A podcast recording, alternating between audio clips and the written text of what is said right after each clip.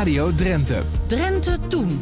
Dochter Marianne Weijer zat vol met vragen over het leven van haar grootvader en haar vader.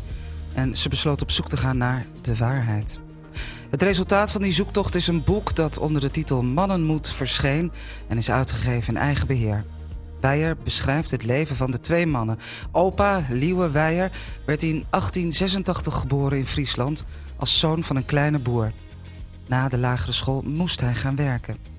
Naast zijn werk in de zuivelfabriek haalde hij staatsexamens voor onderwijzer, hoofd van de school en leraar. Zijn hart lag bij de boerenjeugd en daar zette hij zich een leven lang voor in.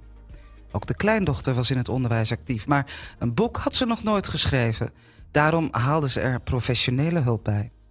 Je luistert naar een podcast van Drenthe Toen en een bijdrage van Lydia Tuinman. Ik heb uh, een schrijfcoach ingeschakeld. Uh, omdat ik dacht, ja, ik moet goede feedback hebben. Want uh, mijn zussen lazen ook mee, maar die vonden alles prachtig wat ik schreef. En de schrijfcoach, die, daar heb ik heel veel van geleerd. Ik heb heel veel gelezen over schrijven. En ik heb verschillende schrijfcursussen gedaan. Nou, ik heb ook veel geleerd van andere boeken. Bijvoorbeeld ja. Voskuil, hoe je een dialoog moet schrijven. Uh, uh, en daar kreeg ik dan adviezen voor van mijn schrijfcoach, maar ook van uit boeken die ik las. Die, dat bestudeerde ik dan gewoon hoe ze dat deden.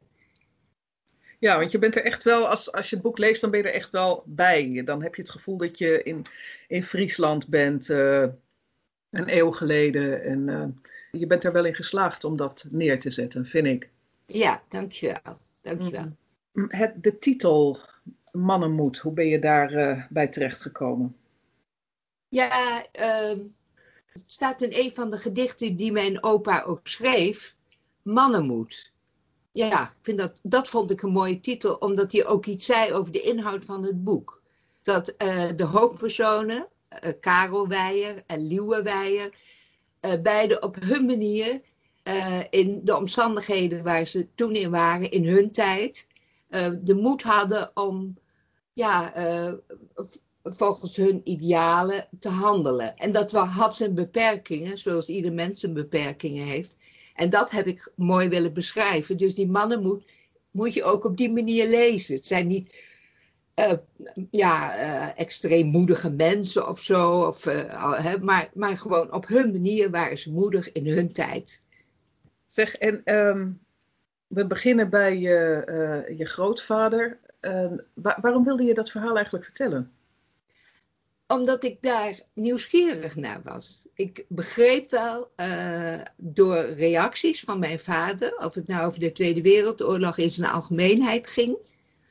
Uh, maar vooral als mijn moeder dus naar voren bracht. Uh, oh ja, Karel, jouw vader zat toch bij landbouw en maatschappij. Ik begreep dat er iets mee aan de hand was. En zijn reacties waren ja, een beetje ontwijkend uh, snel een eind aan het gesprek willen maken. Dus ik dacht, dat is dat toch geweest, die, uh, die, landbouw en maatschappij. En, en ik voelde aan dat mijn vader en zijn vader nou, niet een goede verhouding hadden.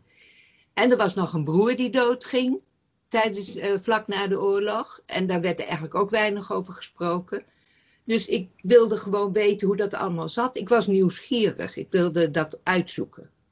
Ja, het was een wat ongemakkelijke, uh, een ongemakkelijke waarheid waar je achter wilde komen. Ja, ja ongemakkelijke waarheden eigenlijk. Hè? Ja, ja. ja, want vertel eens uh, even voor de, om, om het kader te scheppen, dat, dat landbouw en maatschappij, wat was dat voor, uh, voor organisatie? Dat was een, uh, een boerenactiegroep. Die ontstond vooral in Drenthe uh, in de crisisjaren, dus in de jaren 30 van de vorige eeuw. Er was veel armoede op het uh, Drentse en Friese platteland, maar ook in andere provincies, vooral bij de kleine boeren, waar de politiek, de gevestigde politieke partijen, maar ook de grote landbouworganisaties, die waren verdeeld in katholiek, christelijk, katholiek christelijk en neutraal, uh, weinig uh, aandacht aan schonken. Ze, ze kwamen niet voor hen op. En toen ontstond er in Drenthe En ook in meerdere provincies een boerenactiegroep. En dat was Landbouw en Maatschappij. Dat heeft naarmate de tijd vorderde en het richting de oorlog ging, een, een dubieuze naam gekregen, omdat ze aanschurkten tegen de NSB. Ja, nou, het was zo dat zij op alle. Want het was eigenlijk een hele nette groep. mensen die heel keurig van als me redeneerden en argumenten aandroegen en in gesprek gingen, zowel met de politieke partijen als met de grote landbouworganisaties. En ze kregen geen enkel gehoor. En uh, vanuit de NSB werd gezegd, kom, kom dan bij ons. Bovendien was er onder de boeren in Drenthe, arme boeren in Drenthe, waren ook NSB'ers. Die gewoon, omdat daar dingen beloofd werden uh, voor, voor hen. En uh, vlak voor de oorlog, toen, toen zijn ze eigenlijk in die hoek terecht gekomen. Dat was in het begin helemaal niet zo. Dat is gaandeweg de geschiedenis van landbouw en, landbouw en maatschappij zijn ze die richting opgegaan. Maar meer omdat ze bijna geen alternatieven hadden en toch wilden opkomen voor die kleine boeren. De armoede op het platteland.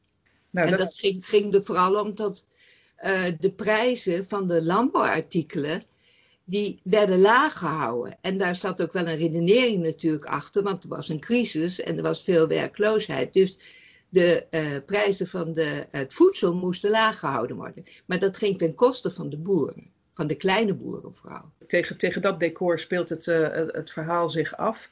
Um, jouw grootvader, laten we daar maar eens uh, met het verhaal beginnen, die, die wordt geboren in, in Friesland. In, in, in welk jaar? 1886. 1886 en een heel, heel intelligent boerenjongetje, hè? Ja, ja, een ambitieus, uh, intelligent boerenjongetje dat graag door wilde leren. Maar dat ging niet door. Dat ging niet door, dat kon niet. Die moest aan het werk, eerst op het boerderijtje van zijn vader, daarna op andere bedrijven. Uh, wat me trof in jouw boek is de, de, de beschrijving van uh, ja, het moment dat hij eigenlijk definitief te horen krijgt dat hij dat hij niet doorleren mag. Een heel, heel dramatisch moment in zijn leven. Um, zou je daar een stukje van, van willen voorlezen voor ons? Ja. Over, over dat moment. Ja. Nou, dat heb ik naast me liggen. Dus ja.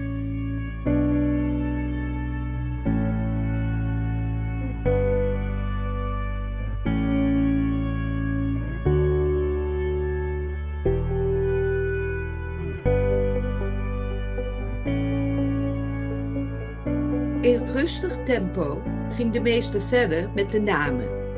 Eerst de HBS-kinderen en dan de kinderen die naar de MULO gingen. Luwe klemde zijn handen om de rand van de bank. Ik ben ze allemaal de baas en heb de meeste keren van iedereen nul fouten. Hij keek over de hoofden van de kinderen langs het gezicht van de meester naar het bord. De letters dansten voor zijn ogen. Hij kneep zijn ogen dicht. Weg met die tranen. Ten slotte kwamen de namen van de kinderen die van school gingen. Wiebe, Wietse, Luwe. Een zucht van verbazing ging door de klas bij zijn naam. Huh? Luwe van school af? Slimme Luwe? Hij voelde de ogen van de anderen, van Wiebe. Hij wilde uit zijn bank weglopen. Wiebes mond bewoog, maar, begon hij. Brusk draaide hem de rug toe, zette één voet buiten de bank op de houten planken.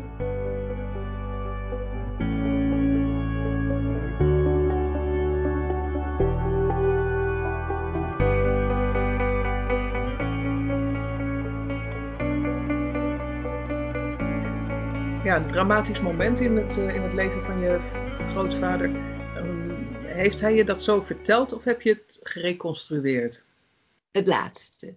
Ja. ja. ik heb me voorgesteld hoe dat gegaan zou zijn. Ik wist dat hij niet verder mocht leren. En ik wist uh, bijvoorbeeld dat hij toen hij na zijn werk toch verder ging leren, hoe hij om dat kleine huisje heen liep te repeteren. Wat hij allemaal uit zijn hoofd moest kennen. Nou, dat zijn van die feiten. Ik had een foto van dat kleine huisje. En ik heb zelf altijd in het onderwijs gewerkt, in het basisonderwijs en in het beroepsonderwijs. Dus ik stelde me voor hoe die klassensituatie geweest kon zijn. Hij, uh, we zeiden net al, hij was uh, ambitieus. Hij is toch opgeklauterd. Hij heeft, heeft gekregen wat hij wilde, opleiding. Ja, ja. Hij, heeft, uh, hij is onderwijzer geworden, hoofdonderwijzer. Hij heeft, uh, dat heette toen staatshuiskunde, economie gestudeerd. Dat waren van die MO-actes, lagere actes gehaald. Dus uh, ja, hij heeft heel veel geleerd. En uiteindelijk, nadat hij onderwijzer was geweest en hoofdonderwijzer in Friesland, is hij in 1920 in Drenthe, in Assen, nee, in Meppel was dat toen, onder, leraar geworden aan de Landbouw Winterschool. Wat was dat, een Landbouw Winterschool? Uh, dat was een school voor boerenjongens en meisjes zaten er toen nog niet op, geloof ik, maar om in de winter bij te leren over ja, hun vak. Over economie en over gewassen en hoe je dingen. Ze hadden proefveldjes, die landbouwwinterscholen, waar ze dingen uitprobeerden. Uh, en die waren opgericht uh, al in de, het eind van de 19e eeuw. omdat er toen een crisis was en men zei van ja, er moet ook meer landbouwkennis en landbouwkunde komen bij de boeren. Nou, dat was in de tijd dat mijn opa jong was. En die heeft dat toch zijdelings meegemaakt. Dus zijn ideaal was, daar wil ik gaan lesgeven. Ik wil me bezighouden met die boerenjongens, om die een betere toekomst te geven. En de boeren, boeren zelf, dan ik zelf heb gehad. Hoe ging dat eraan toe eigenlijk daar in, uh, in Meppel? Kun je daar een stukje over uh, voorlezen aan ons? En dat bedoel je van de landbouwwinterschool? Ja. Oké. Okay.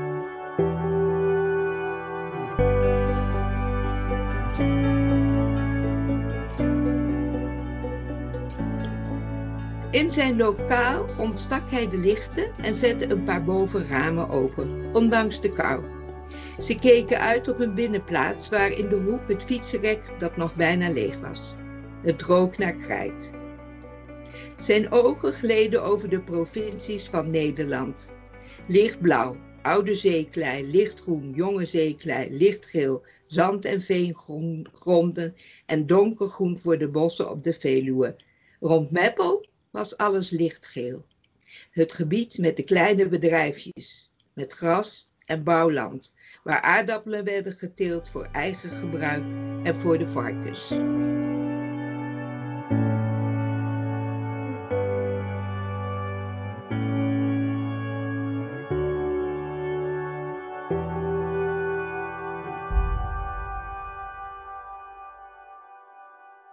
Het boek Mannenmoed van Marian Weijer. Een van de hoofdpersonen in het boek is dus Weijers opa, Liewe Weijer. Hij was verbonden als adviseur bij Landbouw en Maatschappij. Een boerenbeweging die werd opgericht tijdens de jaren 30 van de vorige eeuw. Met veel aanhang onder kleine en arme boeren die zich niet gehoord voelden door de politiek. De beweging gleed in de jaren vlak voor de oorlog af naar de NSB. In de oorlog was Liewe Weijer directeur van de Rijkslandbouw Winterschool in Assen, die als nationaal-socialistisch bekend stond. Eerder in zijn carrière gaf hij les op de Meppeler Landbouw Winterschool. Een fragment uit het boek, voorgelezen door de schrijfster.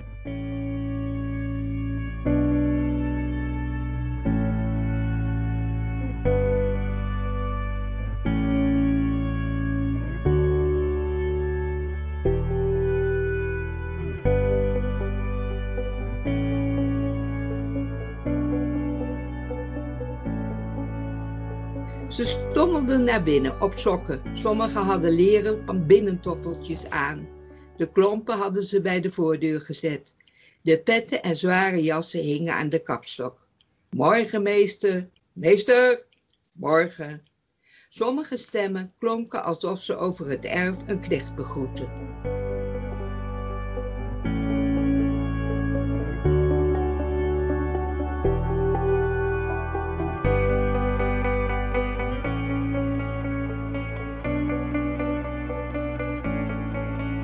Als je die, uh, die, grootvader voor jou zou moeten uh, beschrijven, wat voor, wat voor man was dat? Een kleine, kaarsrechte man met, uh, met wel humor. Hij citeerde heel veel dichtregels die hij gelezen had. Um, hij was heel doelgericht, efficiënt, had humor, wel dat ook. Vriend, heel, mensen buiten zijn gezin waren heel erg op hem gesteld. Hij was dus ook een charmante man eigenlijk. Maar uh, ja, binnen moest hij, was hij altijd aan het werk. Hij, uh, uh, zelfs bij Sinterklaasavond, zei Maaike, zijn vrouw, tegen hem: Moet je nu ook nog werken? Dus hij was altijd aan het werk. En hij was heel erg op prestaties. Dus zijn kinderen, vooral zijn zoons, die moesten presteren. Daar ging het om. Op school, hè? Op school. Daar heeft zijn, uh, zijn zoon Karel, jouw vader, veel last van gehad, hè? Ja. ja, want dat was een heel ander mens, een heel ander kind. Die was um, veel stiller, um, gevoeliger. Ja, mijn opa was ook gevoelig hoor, maar op een andere manier denk ik. Uh, hij, hij, mijn vader had veel fantasie, kon heel mooi tekenen, was muzikaal. Um, speelde heel graag, heel erg een speelkind ook. Ja, het is een heel ander mens. Ja, en eigenlijk niet wat je grootvader wilde, hè? want die wilde ook een, een ambitieus kind, net als hij, die aan het leren ging. Ja, precies. Hij wilde uh, dat zijn zoons, Johan, de broer van mijn vader, en mijn vader zelf, dat die iets bereikte, meer dan hij. mijn, mijn oom uh, die kwam op de landbouwhogeschool in Wageningen terecht. En dat heet nu universiteit. Um, en dat, daar was mijn opa ontzettend trots op dat dat lukte. En mijn vader die moest ook studeren. Hij had altijd adviezen, hij wilde ook helpen, maar hij had weinig oog voor het anders zijn van mijn vader. Uh, mijn vader zei altijd, hij had geen enkel vertrouwen in mij. En hij zei ook, mijn vader zei ook, stil verzet, dat was mijn wapen. Dus daar heeft hij zich in getraind, om toch zijn eigen gang te gaan, zonder de confrontaties aan te gaan. Ja, dat is ook een methode, hè? Ja, precies. ja. Nou, um, ben je ook in, het, uh, in de archieven gedoken, het Nationaal Archief, ben je geweest om uh, dingen uit te zoeken, met name over je, je grootvader, uh, vermoed ik? Ja, ja, ik, ja precies. Wat trof ja. je daaraan? Nou, een heel dik dossier. Um, ja, met, met ja, ik had dat nog nooit eerder gedaan, met uh, alle, uh, heel verschillende soorten materialen. Losse velletjes met aantekeningen, getikte verslagen van, uh, van, um, ja, van het tribunaal. Want mijn opa, ik wist dat hij naar een tribunaal was geweest na de oorlog. en dat hij, maar wat de uitkomst daarvan, wat wist ik niet. Dus ik dacht, dat moet ik beter te weten komen. En uh, toen ben ik naar het Nationaal Archief gegaan. En daar vond ik dus in dat hij veroordeeld is tot, uh, ja, in 1948, uh, tot tien jaar ontzegging van het kiesrecht en een geldboete. En dat was vanwege landbouw en maatschappij en vanwege de landbouwwinterschool in Assen, waar hij in de oorlog benoemd is als directeur. En die school werd genoemd als een nationaal, sociaal, dat, dat, nationaal socialistische school. Dat werd gezegd. Nou, en daar trof ik in dat dossier allerlei dingen over aan. Krantenartikelen, verklaringen van oud-leerlingen die dat ontkenden. Uh, nou, een brief van mijn oma waarin ze vroeg uh, aan het, uh, of de rechtszitting uitgesteld kon worden omdat mijn opa zo doof was en bij moest komen van elk verhoor. Je hebt eigenlijk ook een beetje een, een, een lans willen breken hè, voor, voor je opa. In die zin dat je ehm, ja, dat, dat wat aan hem kleefde, dat nationaal socialisme, um, misschien wel onterecht was of gerelativeerd moest worden. Ja, het laatste in ieder geval. Precies kan ik het niet helemaal te weten komen. Maar het komt ook door de proefschrift van uh, een uh, over landbouw en maatschappij van de RU. Waarin die een hele gedetailleerde beschrijving geeft van het ontstaan en de ontwikkeling van landbouw en maatschappij. Echt heel, heel, heel met, met nou ja, het, het was een proefschrift, dus het was met bronnen en alles erbij. En hij zegt, ja, het, uh, ik heb gisteren nog weer met hem gebeld. Uh, hij zegt, ja, het, het, is, uh, er is onrecht gedaan aan, aan die beweging. Waren, het was een heel fatsoenlijke beweging. En dat ze op een gegeven moment, vlak voor de oorlog, in dat vaarwater kwamen, had ook te maken met hun isolement door de gevestigde politieke partijen en de grote landbouworganisaties. Maar ze zijn in 1940 al uit elkaar gevallen. Hè? Ze hebben zich dus. Uh, het is niet zo dat ze tijdens de oorlog daarin hebben meegedraaid in dat agrarisch front. Dus in 1940 hebben ze een discussie gehad, een interne discussie. En toen hebben ze zich daar niet toe verbonden. Dus het is niet. Ja, nou ja, dat. Ja. Hmm. En mijn opa is ook nooit NSB-lid geweest. Maar dat neemt niet weg dat, dat je daar je vragen bij kunt stellen. Dat is zo. Um, ja, toch heb je um, voor mijn gevoel geprobeerd hem enigszins uh, te rehabiliteren. Hè? Ja. Waarom, um, waarom was dat nodig? Ik was nieuwsgierig naar landbouw en maatschappij. Ik wist dat er dingen niet goed waren. Ik merkte dat mijn vader leed onder de verhouding met zijn vader en ook van het verleden. En ik weet niet of ik hem wilde rehabiliteren. Ik wilde de nuances laten zien.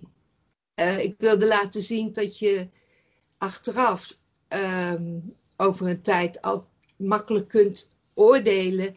En, en dat het vaak veel ingewikkelder is dan het ogenschijnlijk uh, lijkt. Uh, na de oorlog is er op een gegeven moment heel een scherpe scheiding gekomen tussen fout en goed. En zo eenvoudig is het niet.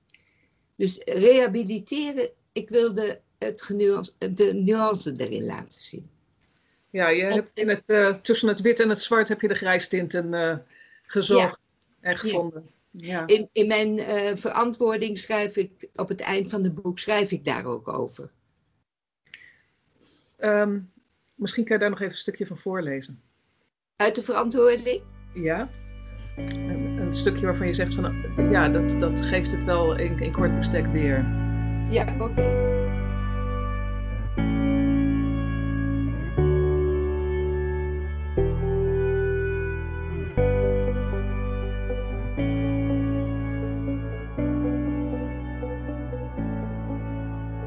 Is mijn opa terecht veroordeeld. Hij wist toch dat de Joden opgepakt werden, dat mensen vervolgd werden, opgesloten, vermoord.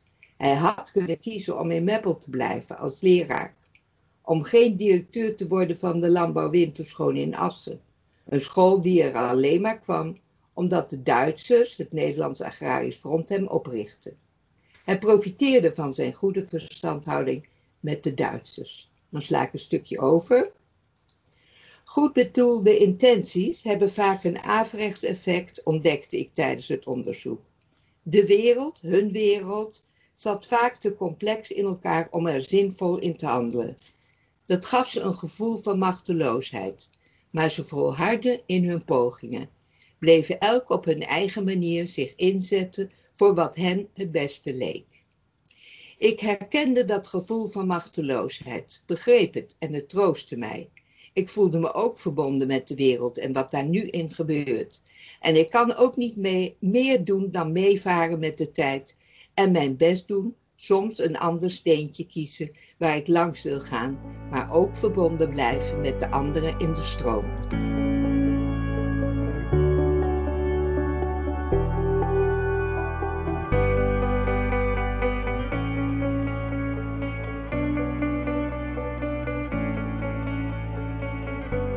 Je hebt ervoor gekozen om deze twee mannen te portretteren. Hè? In feite had je het bij je grootvader kunnen laten, maar waarom heb je ervoor gekozen om ook je vader in beeld te brengen? Ja, dat, dat is een, uh, vraag die, waar, ik waar ik nog niet helemaal uit ben, waar uh, niet definitief uit ben. Soms denk ik, ja, ik had het alleen over.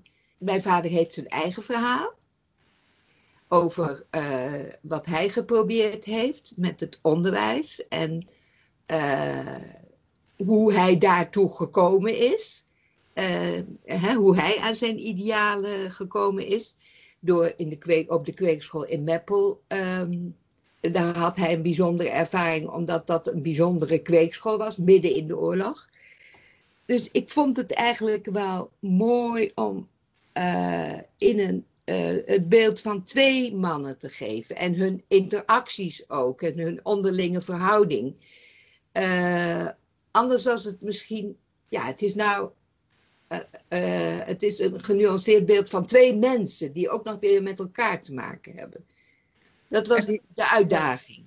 En die heel, heel, erg verschillend waren ook, hè? Ja, ja, ja. En ook wel mooi om te laten zien, denk ik dan. Het leven van twee verschillende mensen, hoe die, en die ook nog een onderlinge verhouding hebben als vader en zoon, hoe die zich door die tijd heen bewegen en hoe zich, zij zich verhouden ten opzichte van de wereld. En het boek is opgedragen aan twee dames. Die staan ja. Wie zijn dat? Maaike, dat is de vrouw van uh, Luwe. En mijn moeder, Grietje. Ja, want het boek heet Mannenmoed en uh, het gaat over twee mannen, maar uh, dat vroeg ik me ook nog af. Welke, welke rol spelen die twee vrouwen? Ja, uh, mijn oma heeft, ondanks alle moeilijkheden die ze gehad heeft, is ze toch loyaal gebleven aan mijn opa. En heeft hem gesteund op allerlei manieren. Niet alleen maar hoor, maar uh, ze had het er ook wel heel erg moeilijk mee. En mijn moeder, uh, ja, mijn moeder was de opgewekteheid zelf en daar ook tamelijk onverwoestbaar in. En die was een steunpilaar voor mijn vader.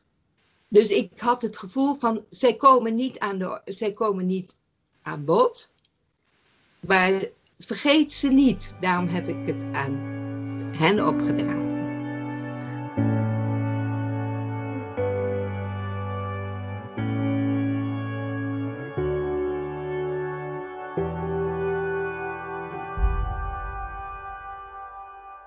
Je luisterde naar een podcast van Drenthe Toen. Elke week komen er weer nieuwe bij en ze zijn te downloaden via je podcast-app. Of kijk even op onze website rtvdrenthe.nl. Daar vind je ook andere podcasts. En vond je het leuk of heb je tips? Laat dan een beoordeling achter. Dat vinden wij weer leuk. Dank je wel.